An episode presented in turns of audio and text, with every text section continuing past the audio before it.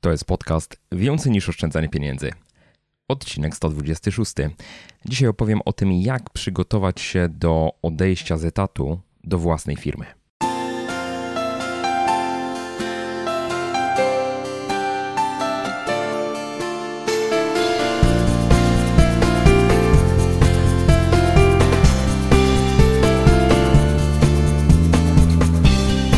Cześć dzień dobry, witam Cię w 126 odcinku podcastu Więcej niż oszczędzanie pieniędzy. Ja nazywam się Michał Szafrański i w tej audycji przedstawiam konkretne i sprawdzone sposoby pomnażania oszczędności. Podpowiadam, jak rozsądnie wydawać pieniądze i jak odważnie realizować swoje pasje i marzenia. Jeśli tylko szukasz odrobiny stabilizacji finansowej i emocjonalnej w swoim życiu, to ten podcast jest dla Ciebie.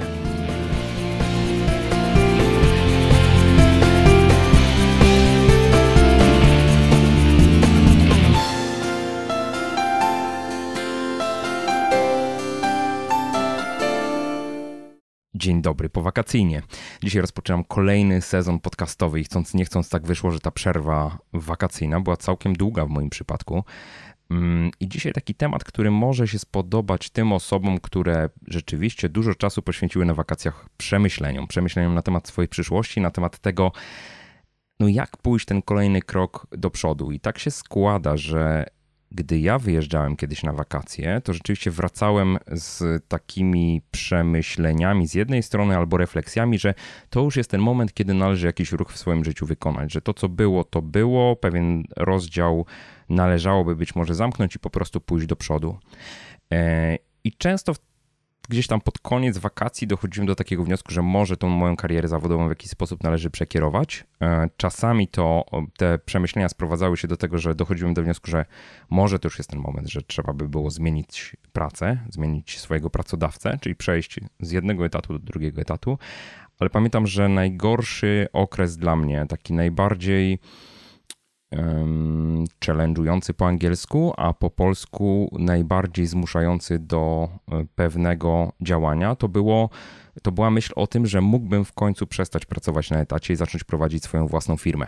I w to było naprawdę trudne, żeby mentalnie przestawić się na to, że chcę być przedsiębiorcą z jednej strony, a z drugiej strony, że chcę odciąć ten bezpieczny odcinek mojego życia, gdzieś zostawić za sobą.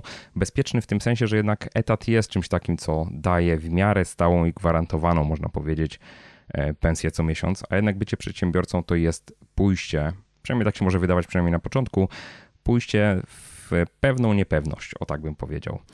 Wiele osób po prostu się tego obawia i nie będę ukrywał, ja też się wtedy e, tego bałem. I dlatego dzisiaj podsumuję swoje przemyślenia na ten temat i pomogę Wam, mam nadzieję, przygotować się do rzucenia etatu w taki optymalny sposób, jak najbezpieczniejszy. I mam nadzieję, że, że to coś Wam rzeczywiście wniesie. Szczególnie w tym momencie, w którym wy sami będziecie się nad tym zastanawiali. Ale na początek kilka ważnych e, zastrzeżeń i takich założeń początkowych. Po pierwsze, ja się dzielę przemyśleniami głównie swoimi, jako pracownika etatowego, który pracował w małej firmie, średniej firmie, takiej zatrudniającej do 50 pracowników e, pracownika etatowego, na którym ciążyła dosyć duża odpowiedzialność, więc można powiedzieć, że to moje odchodzenie z etatu było czymś takim, co było dla nie tylko trudny dla mnie, ale również dla, dla pracodawcy. I też chciałbym, żebyście po prostu pamiętali o tym, że każdy z nas ma trochę inną sytuację i trzeba to, co mówię, w, jakiś, w jakimś stopniu dostosować do swojej sytuacji. Druga rzecz to jest taka, że omawiam scenariusz odejścia z etatu, w którym to my chcemy odejść z etatu. Czyli taki, w którym no, nie jesteśmy zwalniani przymusowo, nie jesteśmy z pracy wyrzucani inicjatywa wychodzi z naszej strony, a nie ze strony y, pracodawcy. Y, no w szczególności no nie chcemy też odchodzić w atmosferze skandalu i to też myślę, że to jest takie ważne założenie, czyli nie zależy nam na tym, żeby sytuację postawić na ostrzu noża, tylko chcemy spokojnie rozstać się z naszym pracodawcą. Tu jest takie kolejne domniemanie, kolejne założenie, że ten pracodawca jest w dużym cudzysłowie normalny, tak? Czyli że mamy do czynienia z takim pracodawcą, e, no, na którym nam w jakimś tam stopniu zależy, E, mówiąc zupełnie wprost. I też y, to, co chcę powiedzieć, to że w tym odcinku nie będę omawiał tematu samego odejścia, jakby motywacji do odejścia, y, tego jakie są powody, tylko raczej samą procedurę odejścia. Czyli wam zostawiam zdecydowanie, dlaczego chcecie odchodzić i jak się w tym utwierdzić, w tym przekonaniu. Być może kiedyś y, poświęcę temu oddzielny odcinek, żeby omówić ten mentalny aspekt, ale y, tutaj jakby kluczowa jest sama, sama procedura. I teraz już przechodząc tak konkretnie do rzeczy. W przypadku naszego odchodzenia z etatu mamy, można powiedzieć, do czynienia z dwoma różnymi sytuacjami. To może być takie odejście, kiedy rzeczywiście odchodzimy planując y, przejście do innego pracodawcy, po prostu zmieniamy pracę etatową. E, I ten drugi przypadek to jest odejście w celu utworzenia własnej firmy bądź kontynuowania własnej firmy, którą gdzieś tam na boku mieliśmy. Czyli całkowite porzucenie etatu. Najpierw krótko mówię ten pierwszy scenariusz, bardzo krótko, y, czyli tak, przechodzimy z firmy do firmy, to chciałbym dokonać takiego istotnego zastrzeżenia, że to jest scenariusz dosyć prosty y, i myślę, że wiele osób w swoim życiu przez taki, scenariusz przechodziło, y, ale tu jest jedna zasada, która jest bardzo, bardzo ważna i którą zawsze staram się, o której zawsze staram się wam przypominać i podkreślać ją. Do takiego odejścia po prostu trzeba się dobrze przygotować E, I przez to dobre przygotowanie mm, rozumiem to, żeby poszukać sobie nowego pracodawcy, zanim jeszcze rozstaniemy się z poprzednim. E, też często podpowiadam, e, żeby poszukiwać pracy stale, to znaczy przynajmniej raz na pół roku podejmować ten wysiłek pójścia na rozmowy kwalifikacyjne, nawet wtedy, kiedy nie macie potrzeby, to znaczy wydaje wam się, że ta praca, którą wykonujecie jest pracą absolutnie super, nie chcecie jej zmieniać, jest ekstra, to jednak, żeby trochę nie zardzewieć w tym, co robimy, ale też, żeby dodać sobie takiej pewności siebie, że mamy wartość na rynku pracy, że ktoś nam jest gotowy zapłacić te same bądź większe pieniądze, to warto na takie rozmowy po prostu chodzić. E, I to jest taki niesamowity zastrzyk też pewności siebie w takiej sytuacji, która może być problematyczna, kiedy okaże się, że na przykład pracodawca, który nas zatrudnia, z różnych powodów ta nasza, ta wasza w zasadzie dobra relacja z nim gdzieś tam się oziębia, mówiąc zupełnie delikatnie.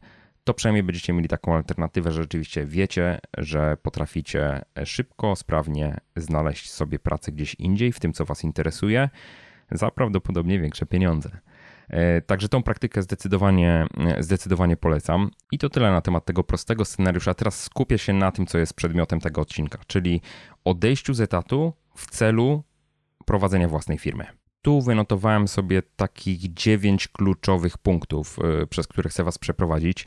E, punkt pierwszy to są przygotowania. Ta faza przygotowań, która jest absolutnie kluczowa, czyli pracujemy sobie gdzieś na etacie e, i jeżeli powzięliśmy taki pomysł, że coś innego być może w życiu chcielibyśmy robić już jako przedsiębiorca, to trzeba się do tego dobrze przygotować. I to z wielu powodów. Pierwszy powód jest taki, że mm, e, bycie przedsiębiorcą i samodzielne finansowanie własnej działalności jest czymś, co jest dużo, dużo bardziej złożone od po prostu wykonywania pracy etatowej, wykonywania poleceń innych, w szczególności i y, otrzymywania co miesiąc za to wynagrodzenia. Po prostu.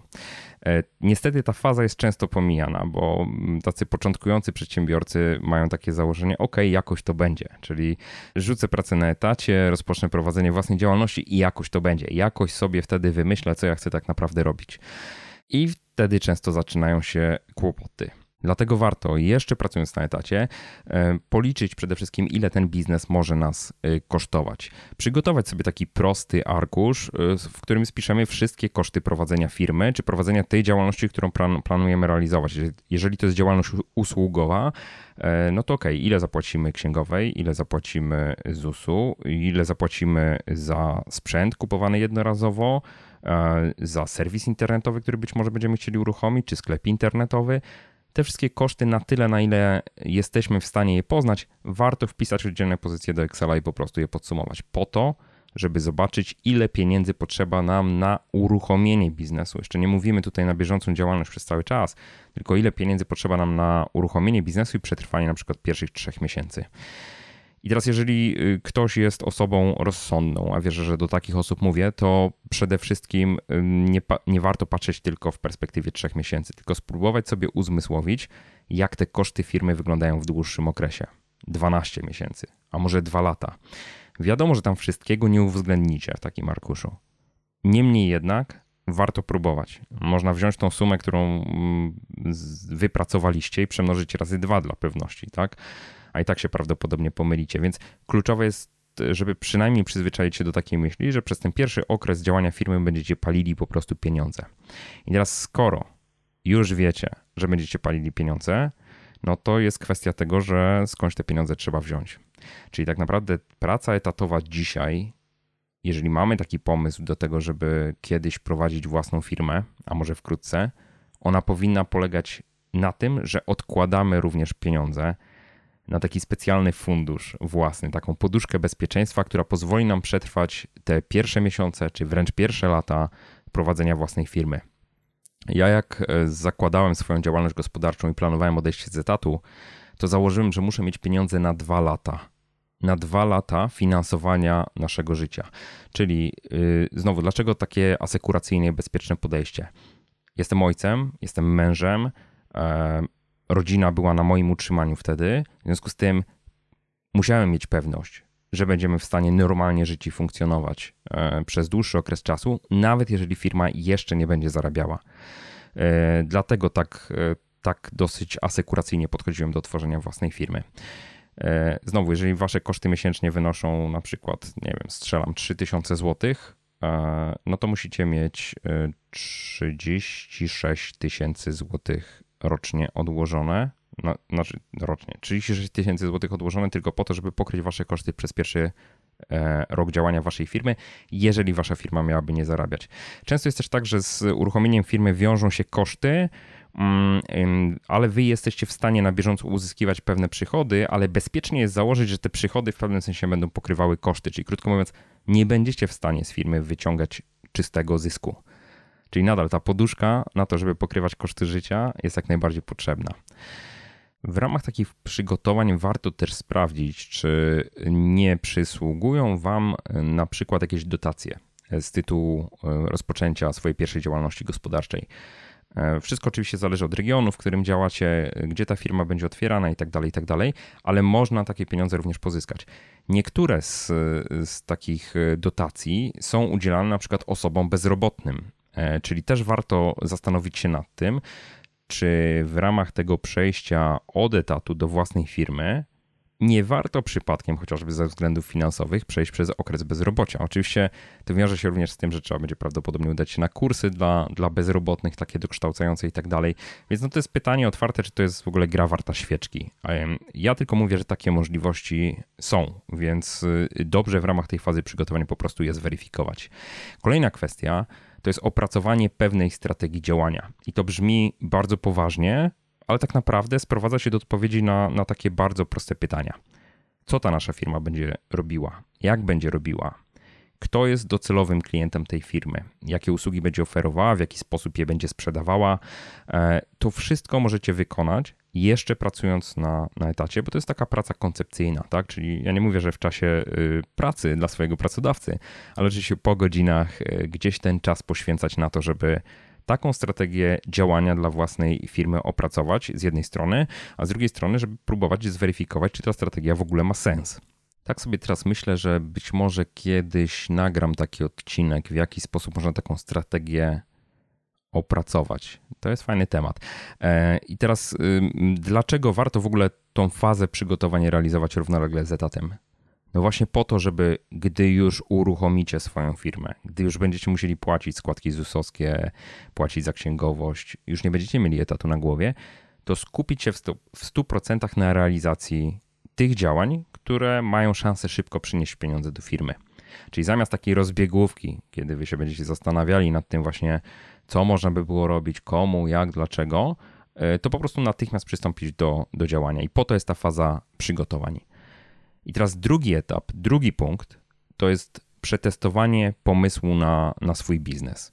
I to też jest taka faza, która często jest pomijana, bo nam się wydaje, że jesteśmy tacy świetni, tacy wspaniali, że jak sobie coś wymyślimy, to na pewno za chwilę ktoś nam będzie chciał za to zapłacić pieniądze. A to jest, jak to kiedyś się brzydko mówiło, Windows, prawda? E, także tu też powiem, że no po prostu wcale nie trzeba mieć firmy, żeby testować swoje pomysły biznesowe. Można to zrobić wcześniej. E, świetna książka na ten temat, e, Gotowi na start Pataflina. Zdecydowanie polecam. Właśnie o tym, jak testować pomysły biznesowe, zanim wyda się furmankę pieniędzy na ich realizację. A z kolei w mojej książce Zaufanie, czyli waluta przyszłości, pokazywałem w jaki sposób ja testowałem moją koncepcję na to, czym ma być blog, zanim jeszcze zdecydowałem w ogóle, że odchodzę z etatu taki równolegle z etatem, można powiedzieć. Blok uruchomiłem w lipcu 2012 roku, a dopiero pół roku później podjąłem decyzję, że odchodzę z etatu. I to też jeszcze trochę trwało. Za chwilę do tego dojdziemy. I tu jest jeszcze jedna taka ważna wskazówka. Niektórzy uważają, że muszą założyć firmę wtedy, kiedy zaczynają wydawać pieniądze związane z planowaną działalnością. Czyli na przykład chcecie kupić e, aparat fotograficzny, E, który jest dużym kosztem, jeżeli to jest dobry aparat, e, no to myślicie, ok, dobra, założę firmę, bo już wezmę fakturę na firmę i sobie to w koszty wrzucę. Moim zdaniem nie za szczególnie jest sens zakładać firmę, dopóki nie macie pierwszych przychodów. Czyli nawet jeżeli takie koszty się gdzieś tam po drodze pojawiają, to wystarczy brać na nie faktury imienne, jeszcze nie prowadząc własnej firmy, a później można zrealizować coś takiego, co się nazywa remanentem początkowym, czyli w momencie, kiedy e, otwieracie swoją działalność gospodarczą, to po prostu wszystkie te rzeczy, które związane są z waszą firmą, możecie niejako wnieść do firmy i potraktować jako koszt taki początkowy rozpoczęcia waszej działalności, co oczywiście wam obniży podatki w, w, tych pierwszych miesiącach po prostu, no bo będziecie formalnie na minusie. Więc y, y, takie, takie działania są możliwe i mówię, ta faza przygotowawcza między innymi służy temu, żeby właśnie jak najwięcej działań wykonać, zanim jeszcze będziecie mieli własną e, działalność e, gospodarczą. Punkt trzeci. Własną firmę można też prowadzić równolegle z etatem. I to jest w gruncie rzeczy coś, co ja zdecydowanie polecam. To jest taka hybryda, która z jednej strony daje wam stałe pieniądze z etatu, a z drugiej strony pozwala mieć tą działalność, która umożliwia już fakturowanie pierwszych klientów. E, ciągniemy jedno z drugim, firma jeszcze dużo nie zarabia, może w ogóle nie zarabia, ale jednocześnie cały czas uzyskujemy przychody z etatu. Teraz nie chodzi mi o to znowu, żeby wykonywać to w czasie swojej pracy, tylko po prostu to jest taki okres przejściowy, w którym oprócz pracy na etacie poświęcamy swój wolny czas po to, żeby rozwijać swój biznes. Plus takiego rozwiązania jest taki, że w, mając własną działalność gospodarczą i równolegle pracując na etacie, my płacimy w tej działalności gospodarczej tylko składki e, ZUS-owskie zdrowotne, czyli ubezpieczenie zdrowotne, które kosztuje w tej chwili miesięcznie około 320 zł, z czego większość można odliczyć też później od e, podatku dochodowego, tak, jako ulgę w podatku dochodowym. Więc w zasadzie odchodzi nam płacenie składki e, emerytalnej, rentowej, chorobowej, e, funduszu pracy, bo to jest coś, co jest pokrywane w ramach naszego etatu. Oczywiście solidarnie przez pracodawcę i przez nas, tak? Ale my w każdym razie e, no, tych pieniędzy i tak nie widzimy, tak? Znaczy otrzymujemy wynagrodzenie netto z tytułu etatu na nasze konto. Kolejny koszt taki twardy, który się pojawia przy prowadzeniu takiej działalności gospodarczej, to jest e, usługa księgowa. Jeżeli księgowości nie chcemy robić sami, a odradzam robienie księgowości samemu, lepiej to zlecić biuru, rachunk biuru rachunkowemu, to, to taka usługa kosztuje w przypadku działalności gospodarczej jakieś 80-100 zł e, miesięcznie. E, ja korzystam z, od dawna z usług i firma.pl, czyli internetowego biura rachunkowego. Mega jestem zadowolony. Uważam, że niczego więcej nie potrzebuję. Oczywiście ja w tej chwili już płacę więcej, bo trochę więcej dokumentów mam, ale w takiej początkującej fazie, tej pierwszej fazie mojej firmy płaciłem bodajże 80-100 zł miesięcznie. Więc można powiedzieć, że w takich kosztach typu 400-450 zł miesięcznie w zasadzie możecie mieć własną firmę, możliwość wrzucania w koszty waszych zakupów i fakturowania waszych klientów po prostu i to wszystko może być realizowane równolegle z etatem. Jest jeszcze jeden plus tego, że y, firma rozwija się równolegle z etatem. Jeżeli wiecie, że jakichś kompetencji wam brakuje, a jednocześnie te kompetencje w pewnym sensie są wspólne dla tej pracy etatowej i dla waszej firmy, czy potrzeb waszych firmowych, to czemu nie udać się na dodatkowe szkolenia, które na przykład w całości albo częściowo może sfinansować wasz dotychczasowy pracodawca? E, czemu nie udawać się na konferencje, które mogą poszerzać wasze kompetencje? Które będą finansowane przez waszego pracodawcę, jeżeli chodzi o udział, e, no to jest kwestia tego, jak dogadacie się z waszym e, obecnym pracodawcą i czy on potrafi zauważyć również korzyści dla, e, dla swojej firmy z tytułu tego, że wasze kompetencje będą rosnąć. Szczerze powiem, że znam takie osoby, które własną firmę równolegle z etatem no, ciągną od, przez wiele, wiele lat i to, mm, to wcale nie uważam, że to jest złe rozwiązanie. To jest coś, co pozwala rzeczywiście mieć to, to, to bezpieczeństwo. No minus jest taki, że żeby aktywnie zaangażować się w jedno i w drugie, no to po prostu nie mamy absolutnie czasu wolnego. I to, trzeba uczciwie powiedzieć. I tu pojawia się szansa na punkt czwarty, który sobie zanotowałem, czyli y, praca zdalna lub praca na część etatu. Po to właśnie, żeby można było rozwijać swoją własną firmę. Niektórzy pracodawcy gotowi są zgodzić się na to, żebyście na przykład przez jeden dzień w tygodniu y, nie przyjeżdżali do biura firmowego, tylko pracowali zdalnie. E, co to daje? No daje taką korzyść, że po prostu nie musicie, y, macie więcej czasu, przynajmniej o czas dojazdu do firmy. E, i to jest coś, co można przeznaczyć na rozwijanie własnej działalności. E, jeżeli macie pracę zadaniową e, i jednocześnie potraficie sprawnie wywiązywać się z tych zadań, które macie do zrealizowania, no to po prostu wygospodarowujecie w ten sposób więcej czasu na to, żeby rozwijać swój własny biznes, zupełnie otwarcie mówiąc. Inny przypadek to jest taki, kiedy na przykład prosicie o pracodawcę i pracodawca jest na to otwarty, żeby zredukować wasz etat, na przykład do 4 piątych. Wtedy na przykład przez tydzień roboczy, cztery dni pracujecie dla swojego e, pracodawcy, a jeden dzień pracujecie nad własnym biznesem. Cztery dni w miesiącu w ten sposób zyskane. E, oczywiście to się prawdopodobnie będzie wiązało z obniżeniem waszego wynagrodzenia, no bo jest mniejszy wymiar etatu, ale z drugiej strony, nie rzucając etatu, zyskujecie czas na to, żeby pracować e, i rozwijać własną firmę. I tu jeden wątek chciałbym poruszyć, myślę, że on jest bardzo istotny, że warto w tym wszystkim być uczciwym. Czyli z jednej strony myślę, że też nie ma się co afiszować. Pewnie to sporo zależy od, od tego, w jakiej firmie pracujecie, bo jeżeli pracujecie w korporacji, e, która ma bardzo rygorystyczne warunki, na przykład w umowie o pracę zapisane co do prowadzenia działalności gospodarczej, własnej działalności gospodarczej, mm, no to może być tutaj e, sytuacja konfliktowa, ale w wielu firmach takich zapisów po prostu nie ma, czyli możecie otworzyć własną firmę, możecie się tym pochwalić swojemu pracodawcy albo nie, no to już zależy to od tego, czy na przykład działalność, którą będziecie realizowali, jest działalnością konkurencyjną w stosunku do pracodawcy, czy nie, bo jeżeli nie, no to nie ma potrzeby afiszowania się z tym jakoś szczególnie.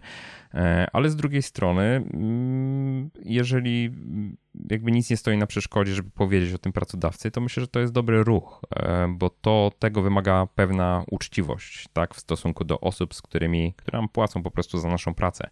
Ja w szczególności nie chciałbym być podejrzewany i, o to, że wykonuję jakieś inne zadania w czasie, który powinienem przeznaczyć na, na pracę etatową, e, więc starałem się bardzo mocno rozdzielać jedno od drugiego, nawet taki prosty temat jak pisanie wpisów nowych na bloga, e, czy komentowanie bloga, no to wszystko robiłem poza godzinami pracy. Oczywiście mój czas był nieregulowany, mm, niemniej jednak zwracałem uwagę, żeby, żeby to nie było rażące, tak, żeby, żeby tego typu działanie z mojej strony się nie pojawiało. A już na pewno nie można ukrywać faktu prowadzenia firmy, jeżeli zostaniemy wprost o to zapytani. E, I też myślę, że nie, na pewno nie powinniśmy ukrywać tego, co ta firma robi. Czyli tutaj znowu warto uczciwie powiedzieć, czym się zajmujemy, czy to jest konkurencyjne, czy nie, w jakim obszarze. Wydaje mi się, że w większości przypadków nie powinno być z tym problemu, jeżeli to, co robicie na etacie, nie pokrywa się z tym, e, czym zajmuje się wasza firma. No i gdy ta sytuacja równoległej pracy na etacie i rozwijania własnej firmy już trochę trwa i gotowi jesteście wykonać następny krok, czyli rzeczywiście zrezygnować z etatu, to wchodzi punkt piąty, bardzo ważny przygotowanie mentalne do rozmowy o odejściu z pracy. To jest bardzo ważna rzecz, bo y, taka rozmowa nigdy nie jest łatwa. E, na takiej rozmowie mogą się wydarzyć różne rzeczy, mogą paść też słowa, e, które będą które trudno będzie po prostu wycofać. Więc im lepiej się przygotujecie do tego, tak samo jak przygotowywaliście się do myśli w ogóle o rozpoczęciu własnej działalności, mm, tym lepsze efekty po prostu uzyskacie. E, w pewnym sensie no, trzeba przepracować ten pomysł najpierw, czyli wy się musicie pogodzić z tym, że rzeczywiście chcecie odejść e, z etatu. Z drugiej strony trzeba się pewnie wykazać pewną empatią, takim zrozumieniem, że jesteśmy osobą, która jest pracownikiem danego pracodawcy, w którego on inwestował w mniejszym lub większym stopniu, a na pewno zainwestował swój czas i pieniądze również. E, i że ta sytuacja obiektywnie jest dla tego pracodawcy trudna. Znaczy, odejście pracownika, im lepszy jest pracownik w ogóle, tym trudniej jest po prostu się z nim pożegnać. W tym sensie, że no, firmy polegają na dobrych ludziach, na, na pracownikach, którzy rzeczywiście pomagają firmom rosnąć. I teraz trzeba się przygotować na różne scenariusze, w jakich może potoczyć się taka rozmowa. W szczególności musimy umieć sobie odpowiedzieć na pytanie, dlaczego chcemy e, odejść z etatu. Czyli musimy przygotować sobie argumenty, które po prostu będą wiarygodne. E, za chwilę dam kilka wskazówek. Druga rzecz, która jest pioruńsko ważna, to jest to, jak będziemy reagowali na sytuację, w której na przykład pracodawca będzie chciał nas na siłę zatrzymać w firmie. I co będzie, jeżeli zaproponuje nam bardzo dużą podwyżkę albo jakieś dodatkowe korzyści, y, typu udziały w firmie, typu, nie wiem, nowy samochód służbowy albo jakieś inne spełnienie, nazwijmy to, y, potrzeb pracownika, czy my będziemy potrafili to odrzucić? Albo inaczej, czy my będziemy się potrafili wycofać z tej decyzji, ale na jakich warunkach. To wszystko sobie trzeba przepracować wcześniej. Mówiłem o tych argumentach, e, którymi będziemy uzasadniać chęć odejścia z firmy. E, kluczowe myślę jest to, żeby używać argumentów, które nie uderzają w żaden sposób w pracodawcę. E, nie sprowadzać tego, tej całej rozmowy do sytuacji jakiegoś szukania winnego zaistniałej sytuacji. Nawet jeżeli obiektywnie jest tak, że, że rzeczywiście czujemy jakieś, yy, mamy jakieś zarzuty do naszego pracodawcy, to nie powinniśmy na takiej rozmowie ich wyciągać. Yy, dlatego, że przychodzimy tam w konkretnym celu. Chcemy wypracować jak najlepsze warunki naszego odejścia z firmy. I teraz yy, polaryzowanie w takiej sytuacji, w sytuacji, która powtórzę, jest trudna dla pracodawcy również, nie tylko dla nas, ale również dla pracodawcy, polaryzowanie, stawianie sprawy na ostrzu noża, no niczego nie ułatwia a tylko e, utrudnia. Więc moja wskazówka jest taka, żeby przede wszystkim mówić o własnych emocjach, o własnych potrzebach, o własnych pomysłach na swoją przyszłość. To jest coś, z czym drugiej stronie jest bardzo trudno dyskutować. Dlatego, że jeżeli my mamy jakiś pomysł na siebie, no to mówimy o tym, co jest dla nas ważne. I druga strona nie może tego zakwestionować. Może na temat tego dyskutować oczywiście, ale jakby nie ma argumentów na to, żeby uniemożliwić nam, żeby zmusić nas do myślenia w inny sposób, bo to jesteśmy my i nasze przemyślenia. E, także to pozwala z kolei, jeżeli im, im lepiej o tym opowiemy, im bardziej w pewnym sensie się odsłonimy, tym łatwiej nam też będzie negocjować, bo będziemy mogli budować pewne, e, pewien scenariusz negocjacyjny na tych właśnie naszych e, potrzebach. I ostatni element bardzo ważny dotyczący tej rozmowy, tej, to jest ta faza przygotowań to jest to, czego my tak naprawdę oczekujemy po tej rozmowie. Czy my chcemy po prostu jak najszybciej zakończyć relację z danym pracodawcą? Czy gotowi jesteśmy pracować dłużej, ale na pewnych zasadach? E, co my tak naprawdę chcemy tam wytargować? No i w końcu punkt szósty, czyli sama rozmowa i zaplanowanie naszego odejścia z firmy wspólnie z naszym szefem. Myślę, że warto taką rozmowę umawiać z, ze sporym wyprzedzeniem w stosunku do planowanej daty odejścia z firmy.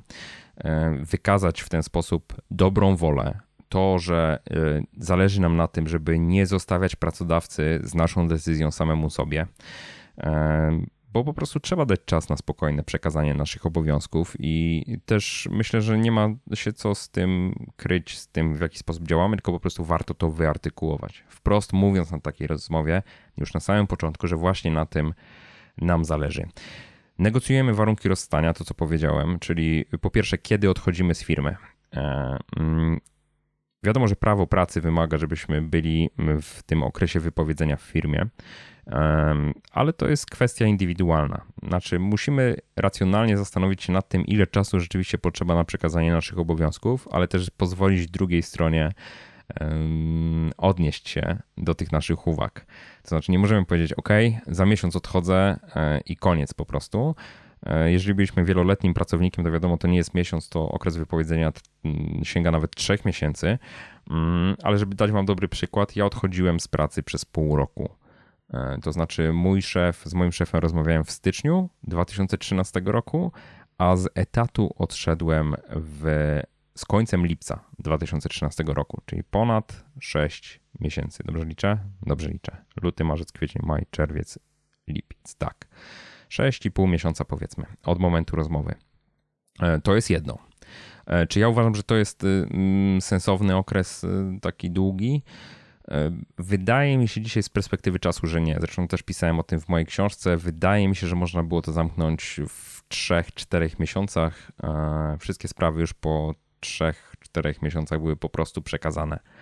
Więc y, trochę niepotrzebnie to przeciągałem. A, a to im dłuższy będzie tym, ten okres, tym też trudniej wam będzie mentalnie pogodzić się z tym, że nadal tkwicie w pracy na etacie, gdzie nie jesteście potrzebni, a moglibyście już ten czas przeznaczyć na rozwijanie własnej firmy. Wiem, byłem w takim momencie i wiem, jak to jest bolesne i naprawdę przestrzegam. Czyli um, też nie przedłużajmy tej agonii. E, jeżeli możecie, jeżeli szef będzie to akceptował, to po prostu umawiajcie okresy jak najkrótsze.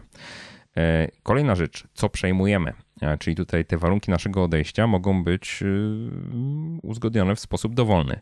Przykładowo, czy komputer, na którym pracujemy, chcemy go przejąć, czy nie? A czy samochód służbowy, jeżeli go mamy, którym jeździmy, chcemy go przejąć od firmy, czy nie? Jeżeli tak, no to na jakich zasadach? E, to są rzeczy, które możecie negocjować w, w takim momencie. Kolejna rzecz, kiedy poinformujemy naszych współpracowników um, o tym, że odchodzimy z firmy. Ten fakt może być przez pewien czas poufny, tylko do wiedzy szefa i, i naszej, e, ale może być też tak, że mm, po prostu przygotowujemy spokojnie grunt i dopiero później komunikujemy e, wszystkim to, że ta sytuacja się zmieni. Warto też ustalić, w jaki sposób to zostanie zakomunikowane, żeby to nie sprawiało wrażenia takiego, że coś się dzieje w sposób niezaplanowany. Im lepiej jest coś przygotowane, tym profesjonalniej to wygląda, również w stosunku do osób, z którymi pracujemy. I tu warto sobie od razu zastrzec, że my mamy w pewnym sensie prawo do tego, żeby e, narzucić tok tej komunikacji, żeby nie wyglądało na to, że my jesteśmy zwalniani na przykład, nie? Więc y, y, ta kontrola nad przekazem, ona też jest ważna z takiego czysto wizerunkowego punktu widzenia. No jakby nie mówić, każdy z nas buduje jakąś markę osobistą, również w firmach, w których pracujemy. E, I kolejny element y, takiej rozmowy to jest też ustalenie, jakie działania musimy wykonać, zanim odejdziemy z firmy. Oczywiście to często się nie zamyka w ramach jednej rozmowy, to może być kilka rozmów. E, ale generalnie dobrze mieć spisaną i ustaloną e, taką wersję wydarzeń, która satysfakcjonuje dwie strony. Czyli jakie projekty musimy przekazać, przekazać. Jeżeli pracujemy z klientami, to w jaki sposób będziemy przekazywali tych klientów innym osobom, które nas zastąpią po tym, jak odejdziemy z firmy. Możemy też y, y, wskazać, że do konkretnego dnia nasz pracodawca ma wskazać tych następców, e, bo czasami tak jest, że po prostu czas płynie E, sprawy są nieprzekazane, a później jest jakaś pretensja, że w krótkim czasie nie, nie udało się czegoś tam przekazać. Więc generalnie te obowiązki są po obydwu stronach. No, odejście z firmy w zasadzie można traktować jako taki projekt, który no, też ma swój harmonogram i który e, trzeba odpowiednio e, zrealizować. Może być też tak, że to my będziemy rekomendować naszych następców Oczywiście no, pracodawca ma prawo akceptacji bądź nie, tak? ale też warto pokazać, że ta nasza dobra wola polega na tym, że no, wychodzimy ten krok naprzód. Nie zostawiamy sytuacji taką, jaką jest szefie, odchodzę do widzenia, tylko próbujemy również pomóc w przejęciu tych wszystkich naszych e, Jest jeszcze jeden aspekt takiej rozmowy, który jest bardzo trudny. Może się okazać, i trzeba być na to przygotowanym, że pracodawca w momencie, w którym dowie się, że chcemy odejść z firmy, podziękuje nam praktycznie natychmiast, czyli w zasadzie z dnia na dzień. I chociaż jest ten okres wypowiedzenia, to może być tak, że na przykład pracodawca powie, wiesz co, to spakuj swoje rzeczy w takim razie. Ja już nie chcę, żebyś dla mnie tutaj cokolwiek robił, żebyś miał dostęp do danych firmowych, bo skoro odchodzisz, to po co, nie? Y, spakuj się natychmiast, oddaj komputer przez trzy miesiące, czy przez dwa miesiące, czy przez miesiąc, na jaki ten okres wypowiedzenia jest. Ja ci płacę, i nie masz obowiązku świadczenia pracy. I trzeba być na taką sytuację przygotowanym. To znaczy, jeżeli planujemy taką rozmowę, idziemy na taką rozmowę, to lepiej być przygotowanym do tego, że za chwilę na przykład komputer firmowy nam zniknie.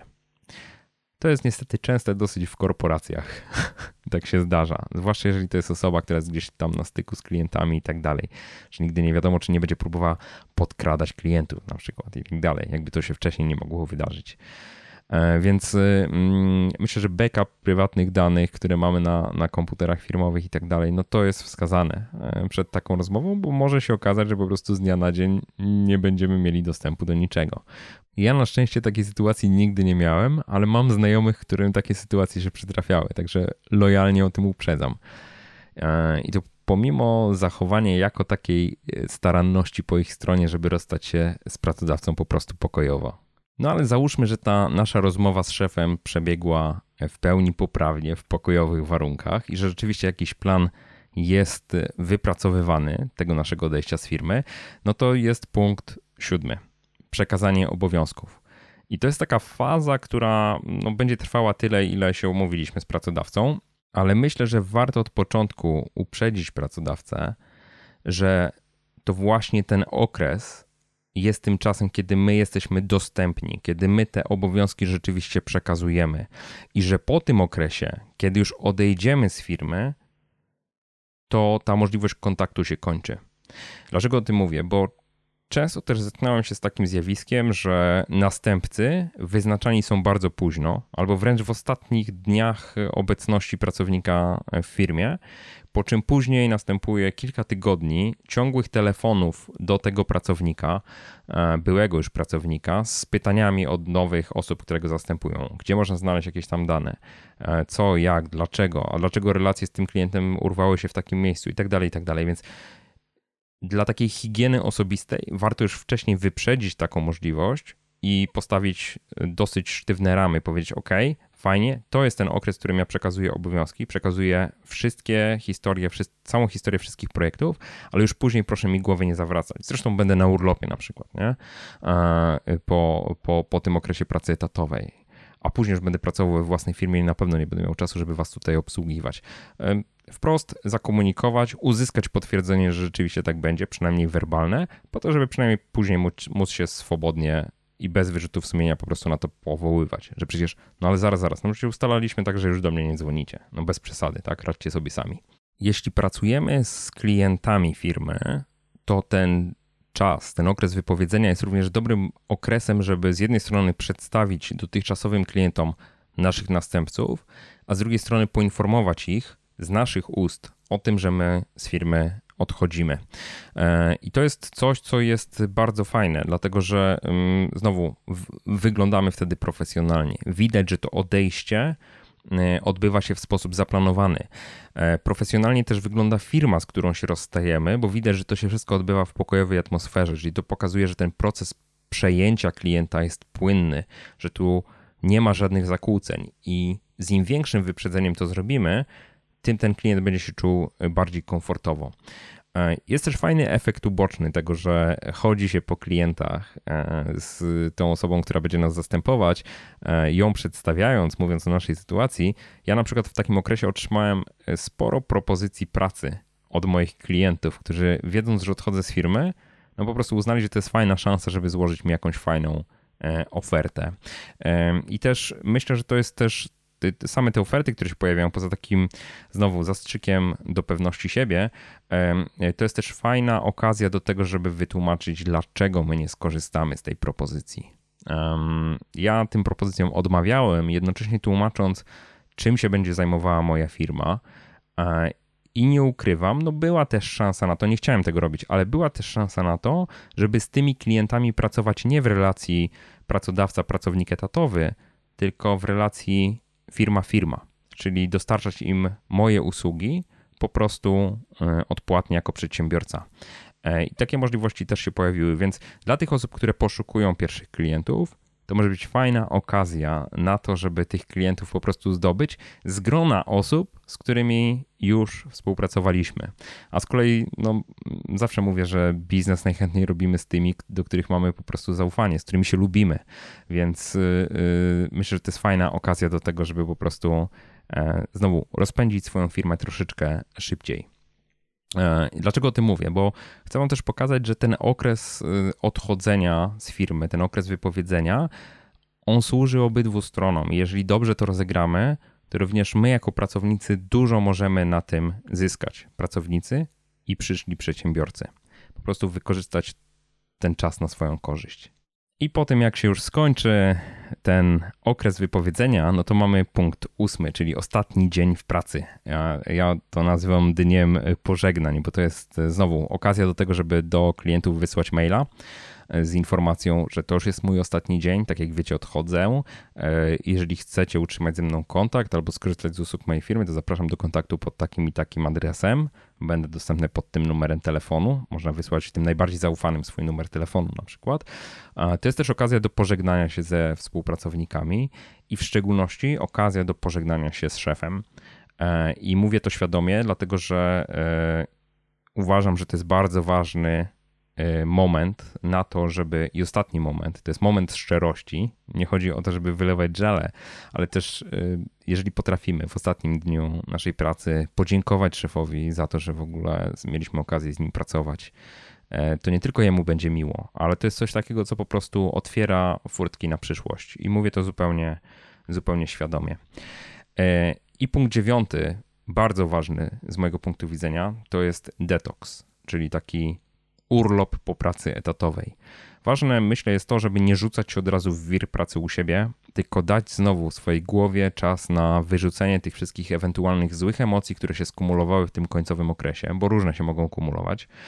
E, nie wszystkim się będzie podobało to, że odchodzimy z firmy. Niektórzy mogą pod nami dołki kopać. E, e, naszą decyzję mo może również kwestionować szefostwo firmy. No, jakby różne mogą być tutaj sytuacje. Możemy być podejrzewani o to, że odchodzimy do konkurencji, chociaż tego nie robimy, i tak dalej, i tak dalej. Więc taki czas urlopu, wyciszenia się, zebrania sił do rozwijania własnej firmy mi to bardzo dobrze posłużyło i myślę, że to była taka najlepsza rzecz, którą dla siebie wtedy zrobiłem. Ja jeszcze w ogóle miałem taką mm, intencję wtedy, my żeśmy wyjechali na wakacje do Francji, y, kolejne kosztowne wakacje.